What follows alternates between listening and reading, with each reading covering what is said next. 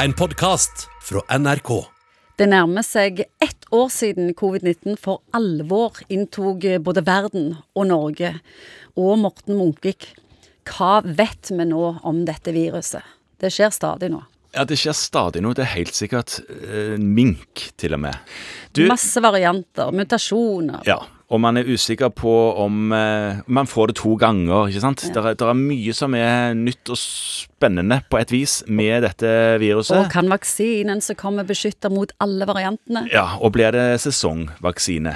Hva vet vi? Ja, eh, alle de tingene vi nå sa, vet vi jo ikke, liksom. Det er usikkert, og man eh, man vet at vi har vært veldig flinke i Norge, og man må bare være flinke litt lenger for at eh, vi skal klare å bekjempe den bølge to som eh, vi er inne i nå. Og få en fin jul? Og få en slags jul, ja. Vi vet at det er få nå av de eldre som blir eh, syke, heldigvis. Vi klarer å holde smitten unna de eldste og mest sårbare. Vi vet at vi aldri har hatt så lite infeksjonssykdommer i samfunnet som vi har nå, fordi vi endelig har begynt å oppføre oss på en slags måte sånn som man kanskje allerede burde ha gjort for lenge siden.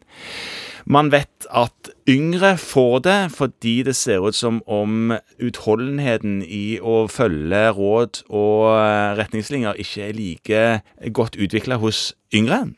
Man vet at menn blir sykere enn kvinner, og at det antagelig har med infeksjonssystemet til menn og kvinner å gjøre ser ut som å ha med blodtype å gjøre, at det er noe der. Man har forskning som noen sier at D-vitamin er bra, noen sier at D-vitamin betyr ingenting, men at det i alle fall er ulurt å være lav på D-vitamin, men om det beskytter, vet man ikke. Det er så mange forskjellige ting, og alle infeksjonsmedisinske miljøene rundt omkring i verden forsker jo på dette nå. Og det er flere som driver på med vaksine, og de nyeste sier jo at de beskytter 90% og så spørs det da å se om de beskytter mot alle formene, og om det er sånn at du er nødt til å ha en revaksinering om et år, og hvilke land som får denne vaksinen fort, og om det betyr at man plutselig kan reise på ferie igjen. Det, det vet man jo heller ikke enda. Hva vet vi om f.eks. covid-19 og røykere og superspredere?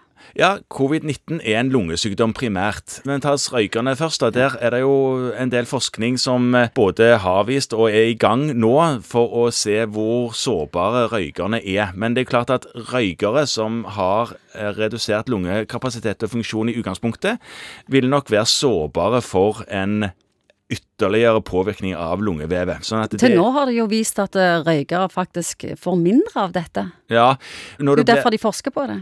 Ja, og, og, så har du disse som er rusmisbrukere, som det òg er spennende forskning omkring. Og dette her betyr nok bare at det, det, er mange forskjellige ting ved dette viruset som vi enda ikke helt forstår oss på, og at det er mange forskjellige subtyper her. Du, dette med seinskader Ja, han har sett at en del sliter med ettervirkninger etter en gjennomgått covid-19-infeksjon. Og det er jo skumle greier at man er ganske utslått i lang, lang tid. Det har man av naturlige årsaker ikke helt forska ferdig på, fordi man har jo ikke hatt så mange tilfeller enda. Men som andre virussykdommer så ser det ut som om man kan gå inn i en lang fase etterpå hvor man er ganske utslått og påvirka av gjennomgått infeksjon. Og hvem som får det, og hvem som ikke får det, det er helt bingo. Selv om vi får vaksine, vil vi noensinne bli kvitt covid-19 for alltid? Mest sannsynligvis ikke. Det har vist en veldig evne til å mutere, akkurat sånn som influensaviruset òg har. Jeg tror kanskje at vi må tenke at det er blitt en del av jordens mikrobiologiske miljø som vi skal bo i. Du har hørt en podkast fra NRK. Hør flere podkaster og din favorittkanal i appen NRK Radio.